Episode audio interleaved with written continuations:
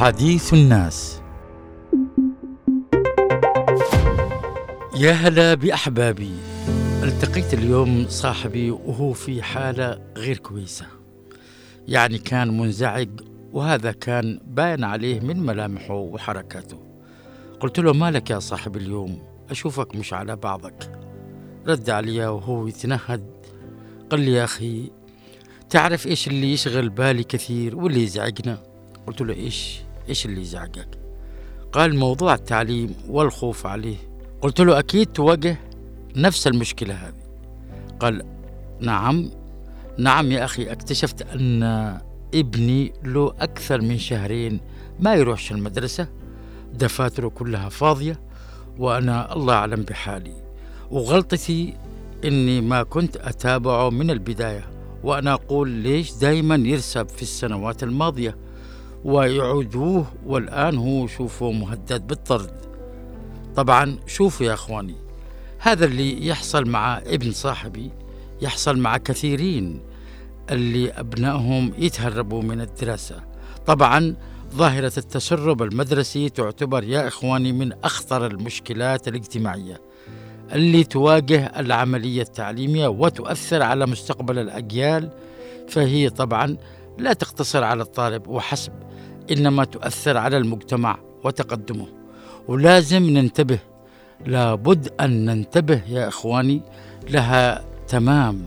ولاحظ الكثير من الناس وأنا واحد طبعا منهم أنه في طلاب أثناء الحصص الدراسية يتسلقوا البوابة الرئيسية للمدرسة ويهربوا من المدرسة ويظلوا يدوروا من مكان إلى آخر في الأسواق أو أي مكان آخر إلى وقت انتهاء الدوام الرسمي. طبعا الدراسة.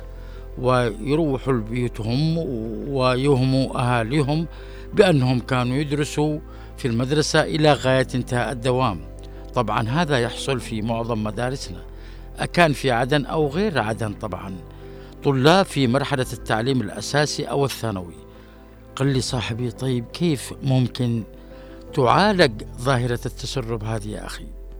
قلت له لازم أولا نعرف الأسباب الحقيقية وراء هذه الظاهرة يعني التشخيص أولا ثم العلاج. قال لي طيب إيش أسباب هذه الظاهرة؟ قلت له ها أسباب هذه الظاهرة أولا سوء المنهج والحشو في الكتب الدراسية غياب الكتاب المدرسي.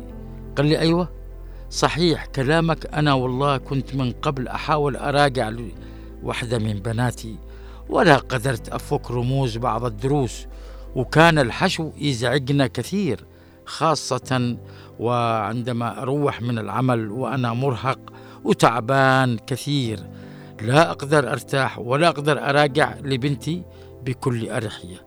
قلت له المهم من الأسباب إلى جانب الحشو في المنهج معك طبعا أشوف تدني قدرات بعض المعلمين والمعلمات ناهيك عن العلاقات غير المنضبطة بين الطالب والمعلم. يعني أسلوب بعض المعلمين والمعلمات منفر إلى حد كبير ويخلي الطالب يكره المادة وممكن يسيب المدرسة بسبب هذا المعلم أو هذه المعلمة.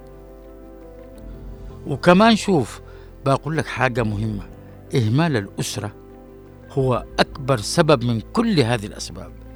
إهمال الأسرة للطالب يا صاحبي وعدم متابعته لتحصيله العلمي وأيضا سلوكه داخل وخارج المدرسة من الأسباب الرئيسية كما قلت لك.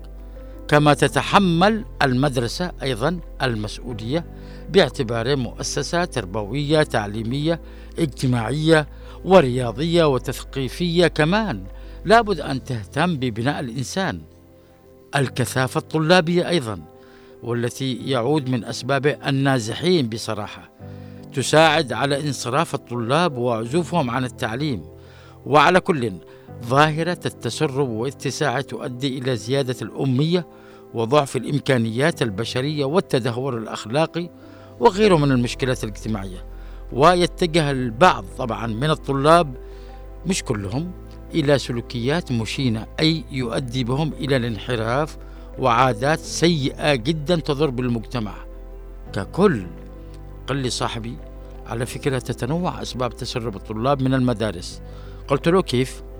قال المعلم إذا كان محب لطلابه ومحبوب منهم طبعا فهذا له دور فعال في تقبلهم للدراسة وزيادة حبهم للمدرسة. قلت له طبعا هذا أكيد مثل ما أوضحت لك. يعني إذا كان قاسي بيؤدب الطلاب لكره المادة والمدرسة والتقاعس عن الذهاب إليها والكذب على أسرهم وادعاء الانتظام في الدراسة وهكذا. قل لي يا صاحبي طيب إيش العمل من أجل الحد من هذه الظاهرة؟ ظاهرة التسرب إيش ممكن يعني تكون المعالجة؟ قلت له يجب أن تعمل المدارس وباستمرار على استثارة دوافع التلاميذ وشوقهم وحبهم للتعليم وأن تكون البيئة المدرسية غنية بالأنشطة والمهارات فيتعلم فيها الطالب الخبرات التي ترتبط بحياته في المجتمع مما يشبع حاجاته النفسية وكمان الأنشطة اللاصفية لابد أن تفعل فعلها وأن تكون هناك حصص خاصة بتنمية المهارات والمواهب للطلاب. لا سيما في التعليم الأساسي. وقد شفنا أطفال على فكرة قد ينجحوا ونجحوا طبعا في العمل اليدوي أو في أي مهنة كانت رغم فشلهم الدراسي. يعني يجب أن تراعي كل أسرة موهبة طفله وتكتشفها مبكرا وكذلك المدرسة والمعلم كما يجب البعد عن الملل في الحصص الدراسية.